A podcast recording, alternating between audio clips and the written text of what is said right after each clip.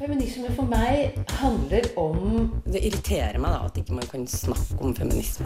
likeverdighet mellom kjønnene.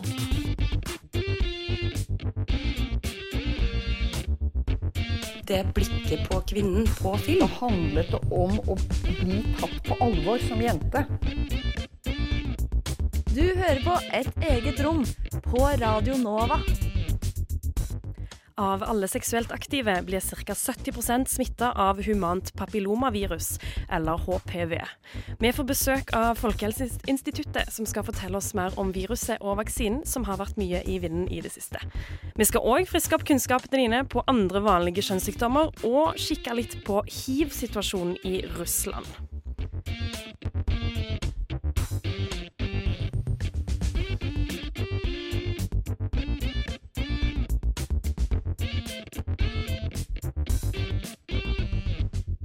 Det er mandag, klokka er ti. Du hører på Radio Nova, og det betyr et eget rom. Og i dag så er det jeg, Lise Aasbø, Sofia Fischer og Edvard Brudli Moen på teknikk som skal lede deg gjennom denne neste timen. Og yes, i dag eh, så skal vi snakke om kjønnssykdommer. Ja, det Ja, skal vi. eh, og det er kanskje litt rart tema for oss som snakker om feminisme. Nei. Nei det syns jeg ikke. Ikke? Hvorfor ikke? Nei, varför inte? Det er vel ganske Det berører alle. Ja. Det har vel berøvd både kvinner og menn og homoseksuelle og alt derimellom. Ja, altså jeg tenker jo at vi er veldig opptatt av kropp og seksualitet òg, siden vi er opptatt av likestilling. ikke sant? Nettopp. Kjønnsroller, kjønn, seksualitet, kropp, seksualitet, sex, bla, bla, bla, osv. osv. Altså, hvor mye vet vi egentlig om kjønnssykdommer? Ja, det er vel typ det man får lære seg i skolan. ikke sant? det føles litt som det. Ja. jeg vet ikke. Nei. Det är eh, något man kan få som man skal passe seg for. Ja. Man vet hur man skal skydde seg, men man vet kanskje ikke så mye om könssjukdomar, tenker jeg. Nei. Vi vet hva det er for noe, vi vet at det ikke er bra for oss. Ja. Men mer, så, men mer enn det så vet vi egentlig ikke. Jeg føler på en måte alltid at det er mer fokus på at du ikke skal bli gravid, versus, eller at du istedenfor at du skal på en måte At du er like mye fokus på begge deler, men at det er mer det Ja, om man tenker til eksempel det her med å bruke kondom og sånt, det er väl lite mindre vanligt, speciellt här i Skandinavien kanske. Ja. Och det är väl just för att man lägger kanske inte så mycket vikt på just könssjukdomar. Nei. Det er akkurat det. Vi skal veldig veldig snart så skal vi få besøk av eh, Margrethe Greve Isdal fra Folkehelseinstituttet, som skal fortelle oss mer om HPV. For det er jo kommet en ny altså Det er liksom vaksinen, da, som vi Ja. har snakka veldig mye om i det siste. Vil Du hørte Oslo-bandet Svømmebasseng med låten 'Bli med' her i Et eget rom på eh, Radio Nova. Og for en stund siden så avtalte jeg med ei venninne at jeg og hun skulle ta HPV-vaksinen sammen på Sex og Samfunn. Og Det gjorde vi nå i helga, den 12. november, nå på lørdag. Jeg var litt forsinka, men eh, det gikk eh, veldig fint. Hei, sorry. Sorry, jeg var feil marina total. Det er så varmt. Er det varmt? Jeg tror de ligger sikkert litt bak skjemaet. Jeg Tror du det? Da var det Lisa. Du, Har du vært der før hos oss, eh, du? Ikke på Sex og Samfunn, nei. Nei, da skal jeg registrere deg aller først. OK. Tre spørsmål til deg. Er du gravid? Nei. Har du eh, reagert allergisk på vaksine før? Nei. Og er du syk med feber over 38? Nei. Bra, da skal du få vaksine. Ja. Skriver du med høyre eller venstre hånd? Eh, venstre. Ja. Nå skal vi sette vaksinen i høyre skulder, så da må du bare dra ut armen og ermet. Du, slapp av i armen din, den ligge i fanget. Tenk på noe vakkert og beroligende. Det blir det et lite stikk. Ja.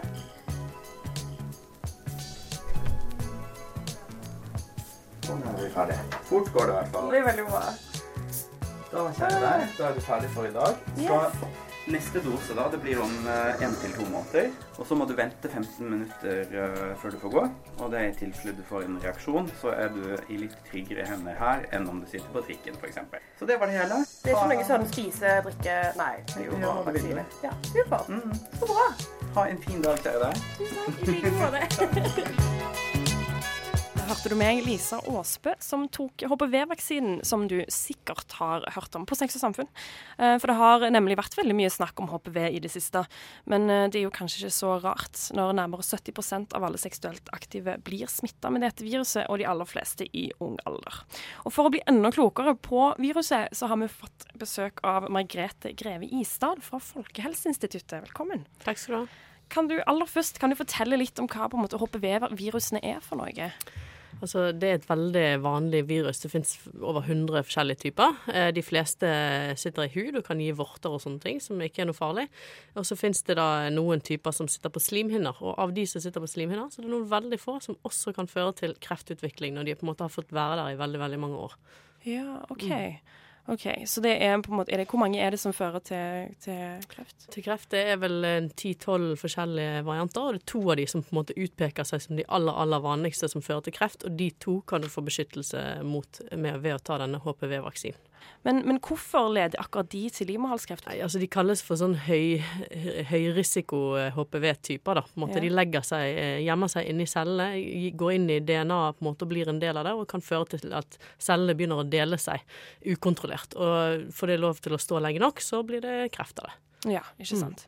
Ja, fordi at det er, men men da de, andre, de andre virusene, de er, de er ikke farlige. Nei, de Men- er ikke farlige. Men hvor mange av de er det? Er det noen Det er av de over som 100 typer forskjellige HPV-virus. Ja. Så- Og det er 30 av de som sitter på slimhinner. Noen av de kan jo gi kjønnsvorter. Det er plagsomt, ikke farlig. Mm. Men det er på en måte pga. livmorhals... Eller pga. kreft som kan forekomme av HPV, at eh, man tilbyr denne vaksinen. Men kan man få livmorhalskreft av noe annet enn disse virusene? Nei, altså, eh, det har vist eh, Det var en sånn stor oppdagelse på 90-tallet hvor man fant at all livmorhalskreft skyldes faktisk HPV-infeksjon, som gjerne har foregått i 10-20-30 år tidligere før man får kreft. Så det tar veldig lang tid fra du får infeksjonen, som ofte er helt uten symptomer. Du merker ikke at du har det, og så eh, blir den, det viruset liggende der, og så kan det da gi kreft veldig, veldig mange år etter. Men, men denne vaksinen, da, er den helt ny? Nei, det er den ikke. Den, har, den ble utviklet eh, på denne siden av eh, årtusenskiftet eh, og ble godkjent for, eh, for bruk i 2006-2007. Eh, og så ble den tatt inn i barnevaksinasjonsprogrammet for jenter i 7. klasse i 2009.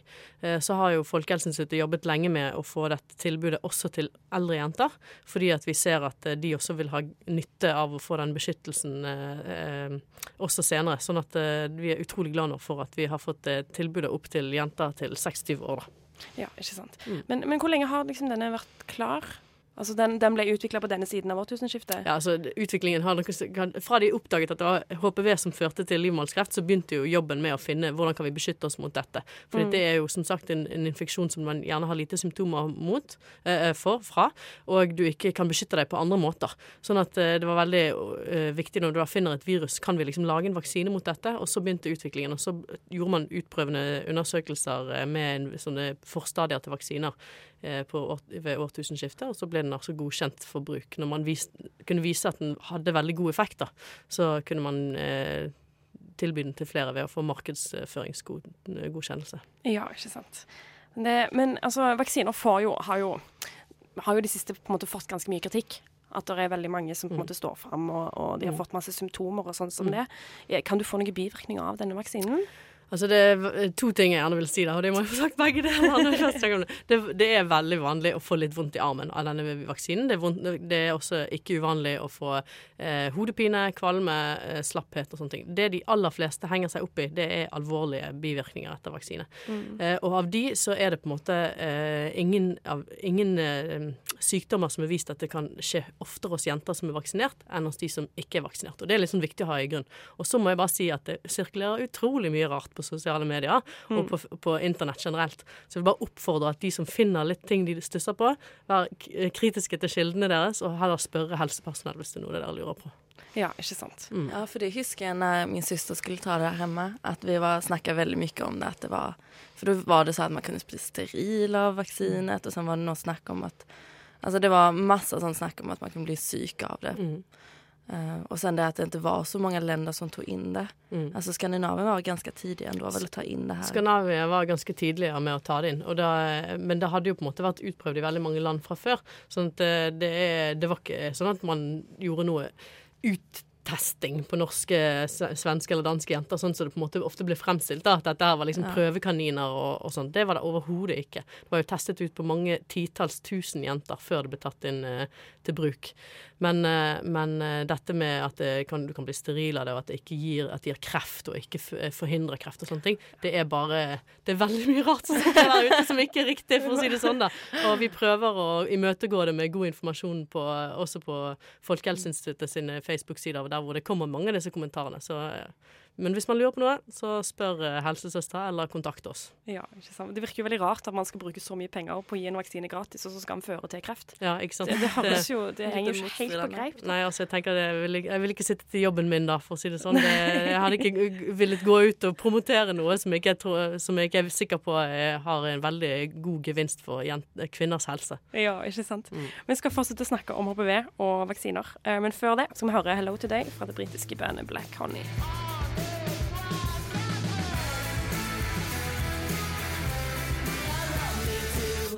Dette er et eget rom, og du hørte Black Honey og Hello Today.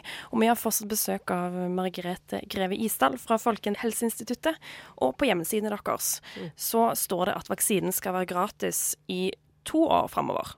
Hva er tanken bak det? Nei, altså Nå har jo det vært et tilbud for jenter født fra eh, 1997 gjennom barnevaksinasjonsprogrammet. Eh, sånn at nå er det et tilbud til de som på en måte er opptil 26 år, og da er det en tidsbegrenset periode. For snart så vil jo de som er født i 1997 kunne ta igjen der hvor tilbudet på en måte slapp for de forrige, da, for å si det sånn. Sånn at, eh, ja. Det, og så, så vet vi at det har best eh, effekt hvis det gis eh, jo tidligere, jo bedre, for å si det sånn. da. Så derfor så, har det, så skal ikke det være et tilbud som varer evig for den aldersgruppen. Ja, At folk på en måte kjapper seg litt, da, hvis de Ja. får en tidsbegrensning på det. Ja. Ja, ikke sant. Etter det da, så vil han jo gå over til å koste noe for alle de som ikke er Ja, da er det på en måte fortsatt gratis for de som er i barnevaksinasjonsprogrammet. Eh, Ja. Sånn at det vil være, for vi vil fortsatt ha tilbudet til de, men for eh, eldre jenter så vil de måtte betale selv. Men altså, um, gutter de Mhm. kan jo òg få HPV-viruset. Mm. Men de blir ikke tilbudt gratis vaksinering. Nei. Hvorfor det? Altså, eh, HPV-viruset kan gi kreft både hos kvinner og menn. Eh, men kreftformene som du får det, er mye vanligere hos kvinner. Altså livmorhalskreft er 300 tilfeller i året i Norge, eh, hvorav mellom 65 og 100 dør. Og hyppigste rammede aldersgruppen er mellom 35 og 39 år, så det er unge kvinner som blir rammet. Ja. Og så har du på en måte andre typer kreft, som eh, eh, kreft i endetarmskanalen, i, på penis, i eh, skjeden, i munn og svelg. Eh, de er mye, mye sjeldnere kreftformer. Så selv om vaksinen på en måte beskytter også mot de, så er det en sjelden kreftform i utgangspunktet, og kanskje ikke all kreft i, i de organene blir eh, eh, utvikler seg pga. HPV heller. Sånn at du har på en måte en gevinst, men den er ikke så stor som du har på livmorhalskreft. Ja, ikke sant. Mm. Så derfor så er det liksom først og fremst fokus på kvinner og livmorhalskreft. Ok, Men hvem skal, da, hvem skal man da kontakte hvis man har lyst til å ta den vaksinen? Da kan man kontakte sin fastlege, eh, eller studenthelsetjenesten for dere som har det. Eh, så vil man få resept hvis man ønsker å ta vaksinen. Og så henter man ut vaksinen og får satt den på legekontoret. Ja, altså da hvis man ikke er en del av på en måte, de som får Ja, gratis. ja, ja, det var det jeg tenkte på nå, men det var Ja. kanskje ikke det du lurte på. Jo, egentlig litt Ja. begge deler. Mens de som da på en måte har, får tilbudet gratis, da foreslår jeg at de går inn på kommunens eh, hjemmeside. For det, i hver enkelt kommune så kan det være organisert litt forskjellig. Så er det viktig at de går inn på sin egen kommunes eh, hjemmeside, og så ser de hva, hvor de får vaksinen der. Hvor, eh, hvor man kan henvende seg, og hvem som gjør det, og hvilke datoer det er mulig å få gjort det på, f.eks. For, eksempel. for det vil variere litt fra kommune til kommune. Ja. Men kan man ta det i hvilken alder som helst? Ja, i prinsippet. eh, Så lenge du er innenfor den alders, eh, aldersgrensen som er nå, da, opptil eh, 26 år, så kan du ta det når som helst i løpet av de neste to årene. Men kan du ta den efter den alderen? Det kan man, eh, men da er den ikke gratis lenger, på en måte. Så, eh, ja. Men eh, den er, den er utprøvd på kvinner opp eh, til 45 år. Men som igjen, da, altså det viktigste er jo, jo tidligere du får tatt den, jo bedre er det. Eh, og det viser at da har den beskyttelse, for den har ikke noe tilbakevirkende kraft. sånn at hvis du har vært utsatt for HPV-smitte allerede, så har den ikke noe å si for det du har fått fra før. Den vil bare hjelpe mot fremtidig smitte. Eh, og derfor så er det viktig å få, ta den, få tatt den tidlig. da. For du, Og så smitte, da. ikke sant? Hvordan er det denne, dette viruset smitter? Hjelper kondom, eller? Ja, altså Den sitter på slimhinnene i eh, kjønnsorganområdene eh, og kan smitte da fra en til en annen ved tett seksuell kontakt. Det trenger ikke være samleie. Eh, og kondomen kan beskytte delvis, men ikke helt, fordi at viruset kan sitte på slimhinnen utenfor kondomen også. og Derfor så kan det smitte selv om man bruker kondom. Så det er en av de kjønnssykdommene du ikke får 100% beskyttelse mot selv om du bruker kondom. Men jeg vil fortsatt oppfordre folk til å bruke kondom, altså. Men det er bare det at du kan ta vaksinen i tillegg. Ja, ikke sant. Mm. Så det blir på en måte litt sånn som herpes, da, på en måte, en av de andre som, som Mm. smitter Mm. utenom uh... Uten å kunne være beskyttet av kondom, ja. Ja. Men altså, har dere noe tall? Hvor mye penger har liksom Folkehelsen, eller hvor mye har Folkehelseinstituttet satt av for denne kampanjen å vaksinere inn? For det er dere som står for det, eller er det Helsedepartementet? Det er Helsedepartementet som har bevilget penger, eh, Ja, og så det vi som organiserer. Ja. Eh, så det er jo mange millioner, men nå har jeg jo ikke akkurat tallet i hodet, faktisk. det er for det er ikke min jobb, da. Jeg skal egentlig bare snakke om faglige, faglige sider ved vaksinen, så mm. Ja. Mm. Det der var alt vi rakk. Men Mhm. tusen takk for at du kom på besøk. Opplyste oss litt om denne om HPV og vaksinen. Bare hyggelig. Veldig viktig ting å opplyse om, så jeg er glad for å kunne være her. Ja, men det er det. Så vi fikk akkurat vite nå at eh, det er jo kanskje litt viktig å si, da, at eh, Sofia, som er svensk, hun kan òg ta vaksinen. Ja. Ja. Det kan alle som oppholder seg i Norge, kan få den i den aldersgruppen. Så bra. Det er veldig, veldig kjekt. Vi skal videre i programmet, men først så blir det òg litt musikk. Vi skal høre Shamir og Head in the Clouds.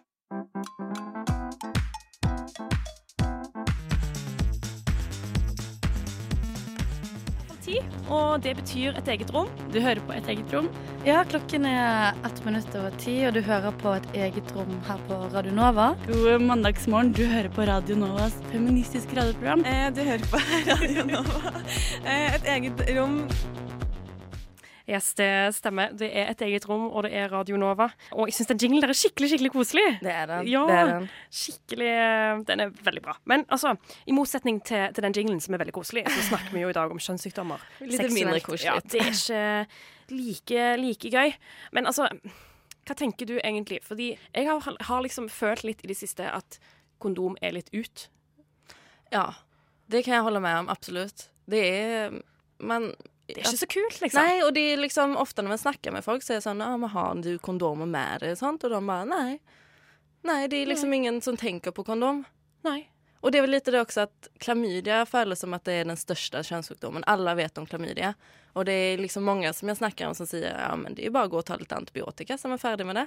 Ja, men, Hvilket er en eh, veldig rar måte å se på det på. Ja, for det, det stemmer jo ikke helt. Eh, For tingen er at eh, til nå så har vi bare snakka om HPV, og vi fikk jo høre at du kan ikke ta antibiotika mot det. Nei. Eh, men altså, vi begynte å drodle litt rundt uh, med, det, med, altså, med dette her med andre kjønnssykdommer, og ikke bare HPV. For nå, vi har jo nettopp snakka om altså, hvor mye kan vi egentlig om de mest kjente som vi snakka om Ja. tidligere. Vi kan Ja. jo egentlig det vi lærte på Ja, ganske lite, jente. Ja, ikke sant? For uh, Eline, hun har uh, kikka litt på, på dette.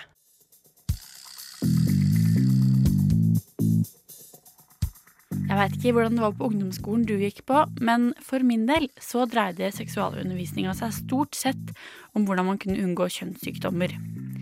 Det kan derfor kanskje virke litt banalt med enda en gjennomgang av klamma, gonoré og herpes, men hvis du tenker deg ordentlig godt om, hvor mye husker du egentlig fra det du lærte i det flaue klasserommet for snart ti år siden?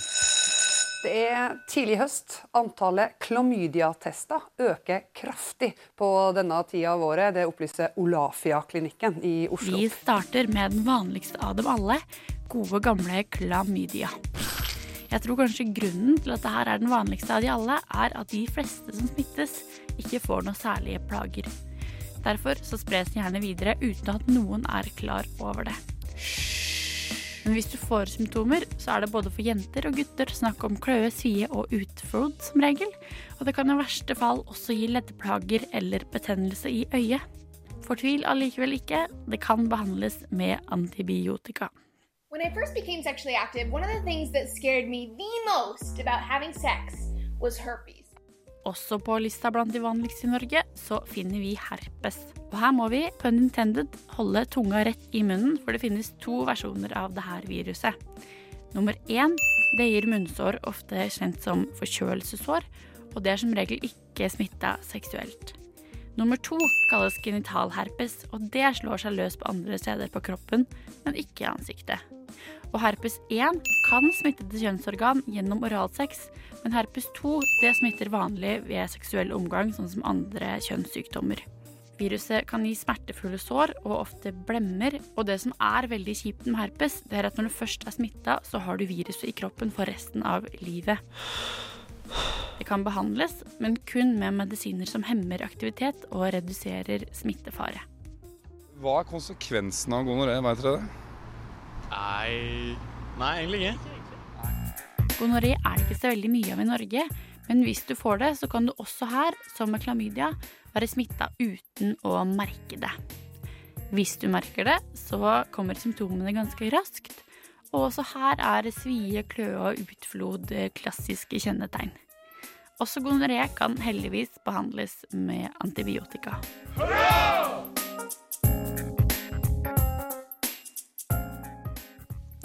Hordaland er altså råka av en syfilisepidemi. På ett år har tallet på smitta blitt firedobla. Jeg trodde kanskje at syfilis døde ut med Oslo-bohemen, men der viser det seg at jeg tar feil. Infeksjonen er dog veldig sjelden i Norge, men har økt litt de siste åra.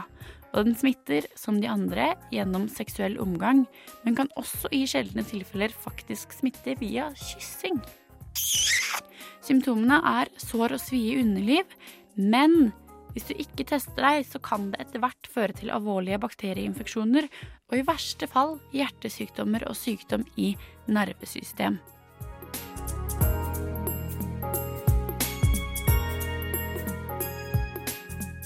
Det fins også en liten nykomling på lista, nemlig mykoplasma. For ikke så lenge siden så kunne ikke den påvises, men det kan den nå flere og flere steder. Og også her så gjelder stort sett samme symptomer som hos gonoré og klamydia, men allikevel så kan man, om mykoplasmainfeksjonen er alvorlig, få smerter nederst i magen, over lysken, feber og nedsatt allmenntilstand. Og i så fall, oppsøk lege. Raskt. Men som tidligere, antibiotika hjelper også mot mykoplasma.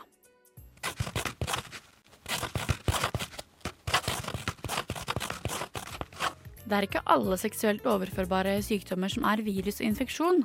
Skabb og flatlus det er parasitter, eller små midd, som lever i huden til mennesker og kan gi masse kløe. Dette er forholdsvis vanlig, smitter ved nærkontakt og er ikke farlig, men plagsomt. For behandling av både skabb og flatlus så finnes det kremer, og det gir seg etter hvert.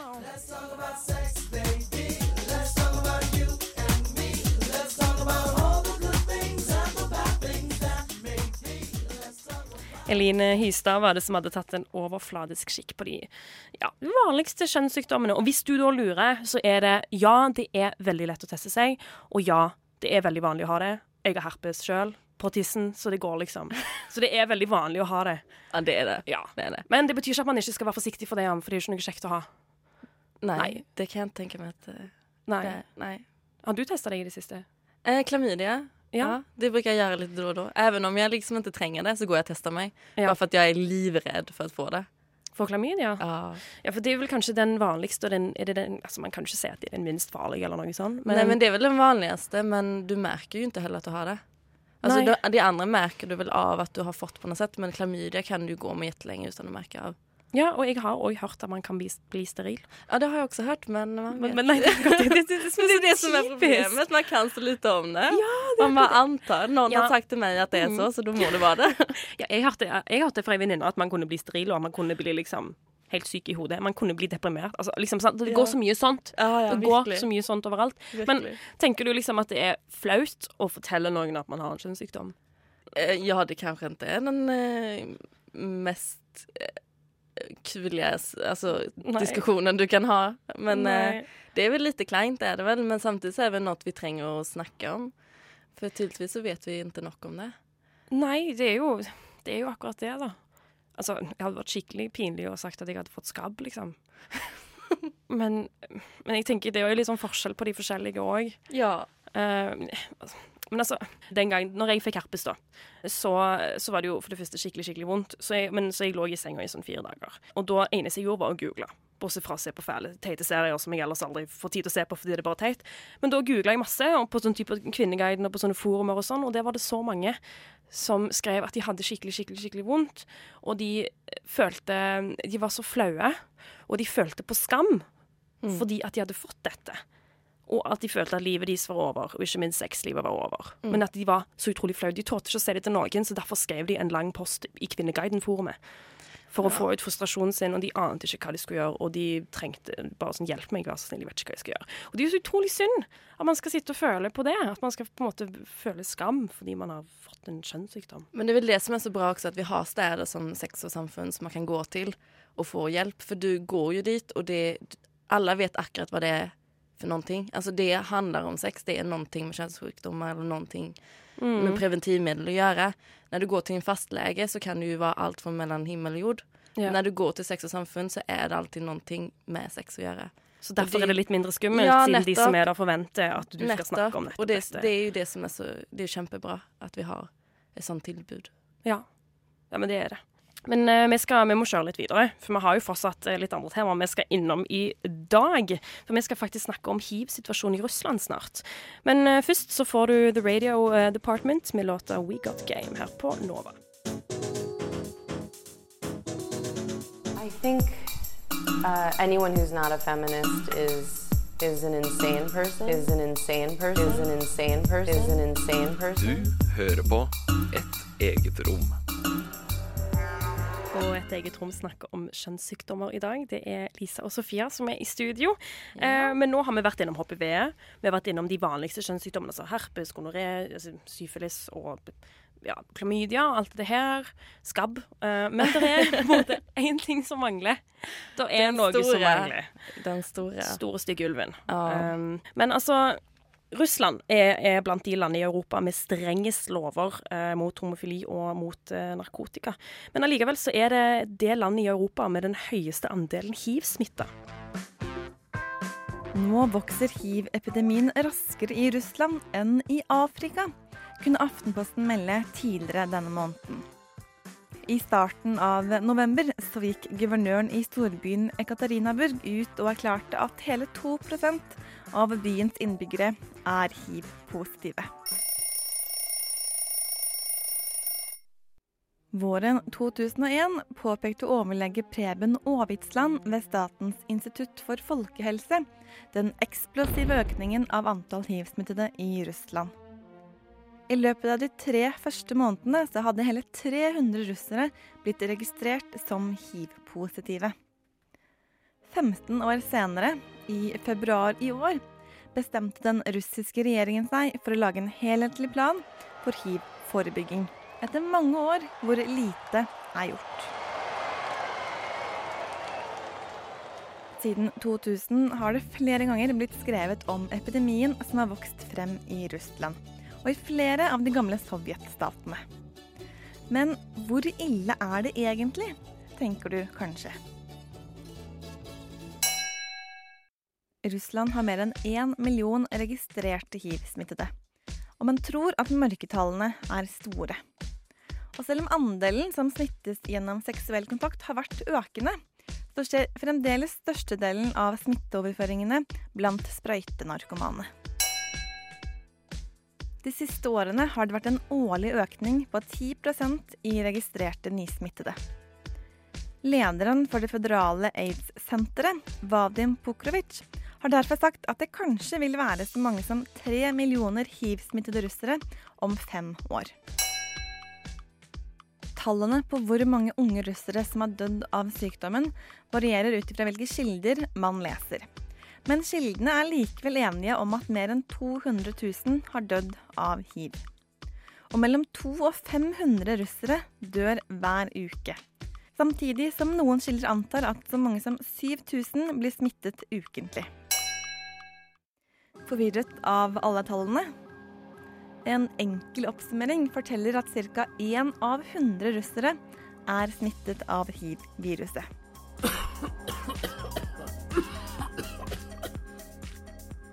I 1986 fortalte den russiske helseministeren i et russisk TV-intervju at aids var en vestlig sykdom. Og siden han mente at Russland verken hadde prostituerte eller rusmisbrukere, så mente han at sykdommen heller ikke kunne spres i Russland.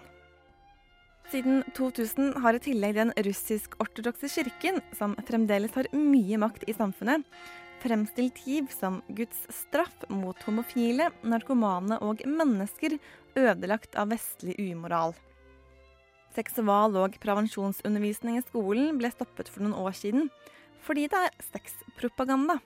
Og kondombruk det anses for å være syndig.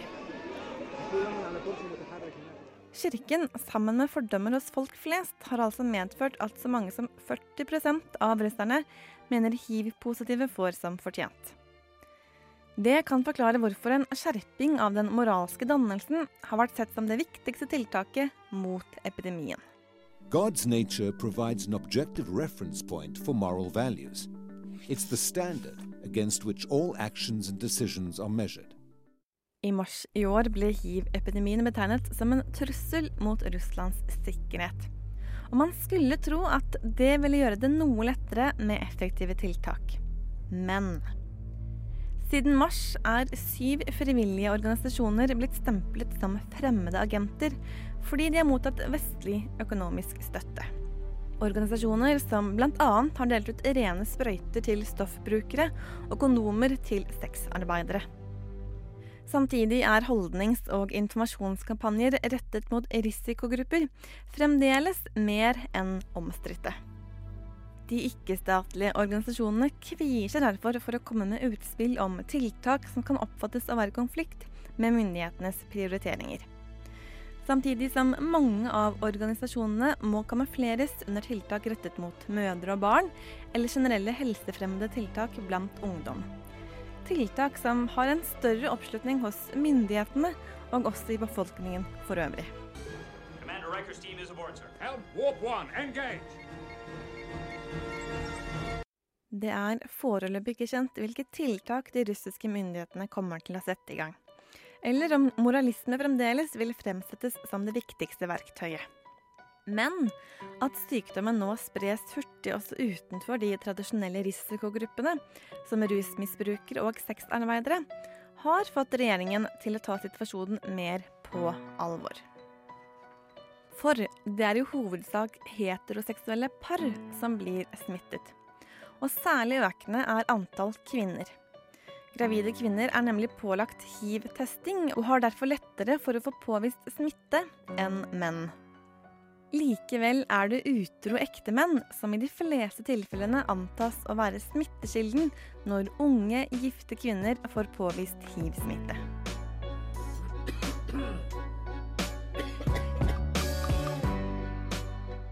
Det var Linda Therese Rosenberg om hiv-situasjonen i Russland. Men altså, det som er så utrolig med denne her situasjonen, tenker jeg da, det er jo på en måte at homofile utgjør bare 2% av de smitta i Russland. Mm. At, det er, at det er på en måte mest blant heterofile og, og mest blant kvinner at det er de som på en måte blir registrert. Eh, og så er det liksom på en måte at frykten for, for, homofili og at det på en måte skal være homopropaganda, er på en måte argumentet mot seksualundervisning i skolen. Og allikevel så utgjør de bare 2% av de smitta i Russland. Men samtidig så vet man vel ikke helt. Altså, det er jo sikkert mye, mye lavere blant homoseksuelle enn blant heteroseksuelle. Mm. Men om det er ulovlig å være homoseksuell i Russland, så tror jeg ikke folk går fram og sier by the way, jeg har hiv, og jeg er homoseksuell. Ja, det er veldig sant. Det er veldig sant. Men du, altså, har du noen tall på en måte på hvordan det ligger an her i Norge? Uh, altså, det fins Det er vanskelig å finne tall fra 2015 og ja, i Mm. år, men fra 2014 har jeg funnet, så var det 249 hiv-tilfeller Mm. i Norge. Og da er det 75, 74% som er menn. Ja, ikke sant. Og resten er kvinner. Så det er på en måte litt annerledes enn i Russland, på en måte der det virker som at eh, virkeligheten er en helt annen enn det. Altså, man tror jo gjerne at det er mest blant homofile menn. Mm. Og det tror man jo egentlig er tilfellet generelt, på en måte, i, i, hele Europa. Mens i Russland så er det helt annerledes, virker det som. Mens her i Norge så kanskje Altså jeg Er tenker, om du, sånn? om du går ut på byen i Norge, eller i Oslo, eh, og går på en gayklubb, så har de ju, delar de ut gratiskondomer. Mm. Och det gör de ju inte på andra klubbar. Nej. Så det är väl fortfarande kvar det här att man tänker att homosexuella är en utsatt grupp. Ja. Och det kan ju kanske ligga något i det, det, det, det vet jag inte helt. Men, eh, men jag tror de flesta fortsatt har lite sådana tankar Ja. om att det är eh, just homosexuella som, eh, som det är vanligast. Som det vanlige som får, ja. Men altså, det er jo Hvis man da får hiv i dag, så er det jo sånn at livet er jo ikke over. Nei, og Nei. det fins jo et eh, en medicin eller en, eh, som heter PREP Mm. som har kommet til Norge og det skal kan man ta eh, Jeg tror man kan ta det even om man ikke har fått hiv enn, bare for å redusere risken for å få hiv. Er det en vaksine? Ja, eller det er som et piller som du tar eh, var dag liksom Og så, så reduserer det risken for, for hiv. Sånn at, så hvis du er på en måte homofil mann, eller hvis du skal dra et sted hvor det er stor sjanse for at du får det, så kan du ta det, og så minsker det risikoen. Ja, det her er som min, en kompis til meg som, har, som faktisk har hiv. Ja. Han har lagt, promotet litt om dette på Facebook. Ja. Om, om det her, eh, eh, det här pillret liksom. Mm. Og jeg tror han tar det. För han har jo det som han har hiv. Ja, ikke sant. Ja. Så håper den på en måte blir litt spredd, da. For den har jeg aldri hørt om før. Nei, det er ikke så vanlig. Det er Nei. egentlig bare altså, Norge og Frankrike i Europa som har det just nå. Og sen er det Kanada, USA og i Sydafrika. Mm. Så det er, ikke, det er, ikke, så vanlig. Nei. Får håpe Helsedepartementet, eller kanskje òg Folkehelseinstituttet, har lyst til å fokusere litt og spre det litt, da. Kanskje. Ja, altså det, det finnes jo i Norge nå, Så Ja. Det har ju kommit hit, men det kom ju i år. Alltså det kom för sånn to måneder siden. Oi, det så det er veldig nytt det her. Ja. ja, ja absolutt. Da er det godt vi tar det opp da, og sprer det litt. vi skal høre litt uh, musikk her. Hilma Nikolaisen og Word. Oh, yeah, my, my point is feminism is not about being better than men.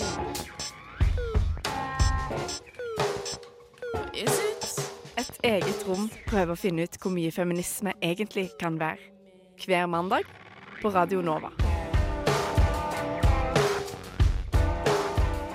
Og vi har altså funnet ut av at feminisme kan òg være kjønnssykdommer. Ja, det har det vi. kan det, Men du hadde en liten sånn fun fact, du, som vi ikke fikk sagt eh, før låten. Ja. Eh, første personen som bekreftet ble smittet av hiv i Europa, han var nordmann. Ja.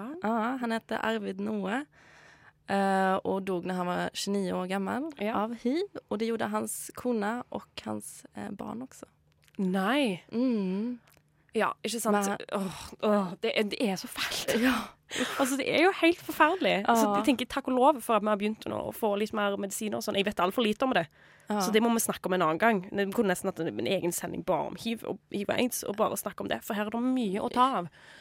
Ja, han dog i 1970 1986, og det var samme år som første personen i eh, USA. Ja, ikke sant. Så eh, det var i den perioden det begynte. Ja, det Åh, nei, uff. Men altså, uansett. Vår episode nærmer seg slutten. Den gjør det. Eh, og jeg ser for meg nå at eh, vi tre som har vært i studio, stormer ut både for å ta HPV du kan, altså, Edvard kan ikke ta det, teknikeren vår. Edvard Brudelimoen Han kan jo ikke ta HPV-vaksinen gratis, iallfall. Men i alle fall, vi stormer ut, og vi skal sjekke oss for alle kjønnssykdommer som fins. absolutt. Etter denne sendingen. Men det er iallfall jeg, Lise Aasbø og Sofia Fischer som har snakka. Og Edvard har vært eh, tekniker. Eline Hystad og Linda Therese Rosenberg har bidratt. Men det som er litt kult nå, er det jo på en måte, nå på en måte kjører vi på en måte to sendinger som henger litt sammen. For neste uke da skal vi snakke om kvinnesykdommer. Ja. ja. Litt sånn fødselsdepresjon og endometriose og sånne ting som jeg kan, jeg iallfall kan ingenting om. Nei, enten jeg heller. Det blir veldig interessant, det her. Det gjør det. det gjør det. Og så kan vi også, skal vi òg snakke litt om eh, ja, hvorfor blir det, blir det forska mindre på enn en mannesykdommer, og i så fall hvorfor? Er det bare fordi det er kvinnesykdommer, eller er det en annen grunn til det? ikke sant? Sånne Mm. spørsmål som det skal vi prøve å svare på neste gang. Men vi takker iallfall for oss nå, og hvis du blir værende på kanalen, så kommer A-lista. Så det vil iallfall jeg anbefale at, eh, at du gjør. Men eh, Radio Novas feministiske program er, til sam er tilbake neste uke. Samme sted, samme tid. Her får du Folkestad med Apple Trees.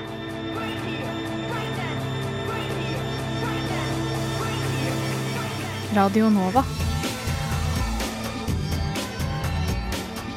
Du har hørt en podkast fra Radio Nova. Likte du det du hørte? Du finner flere podkaster i iTunes og på radionova.no.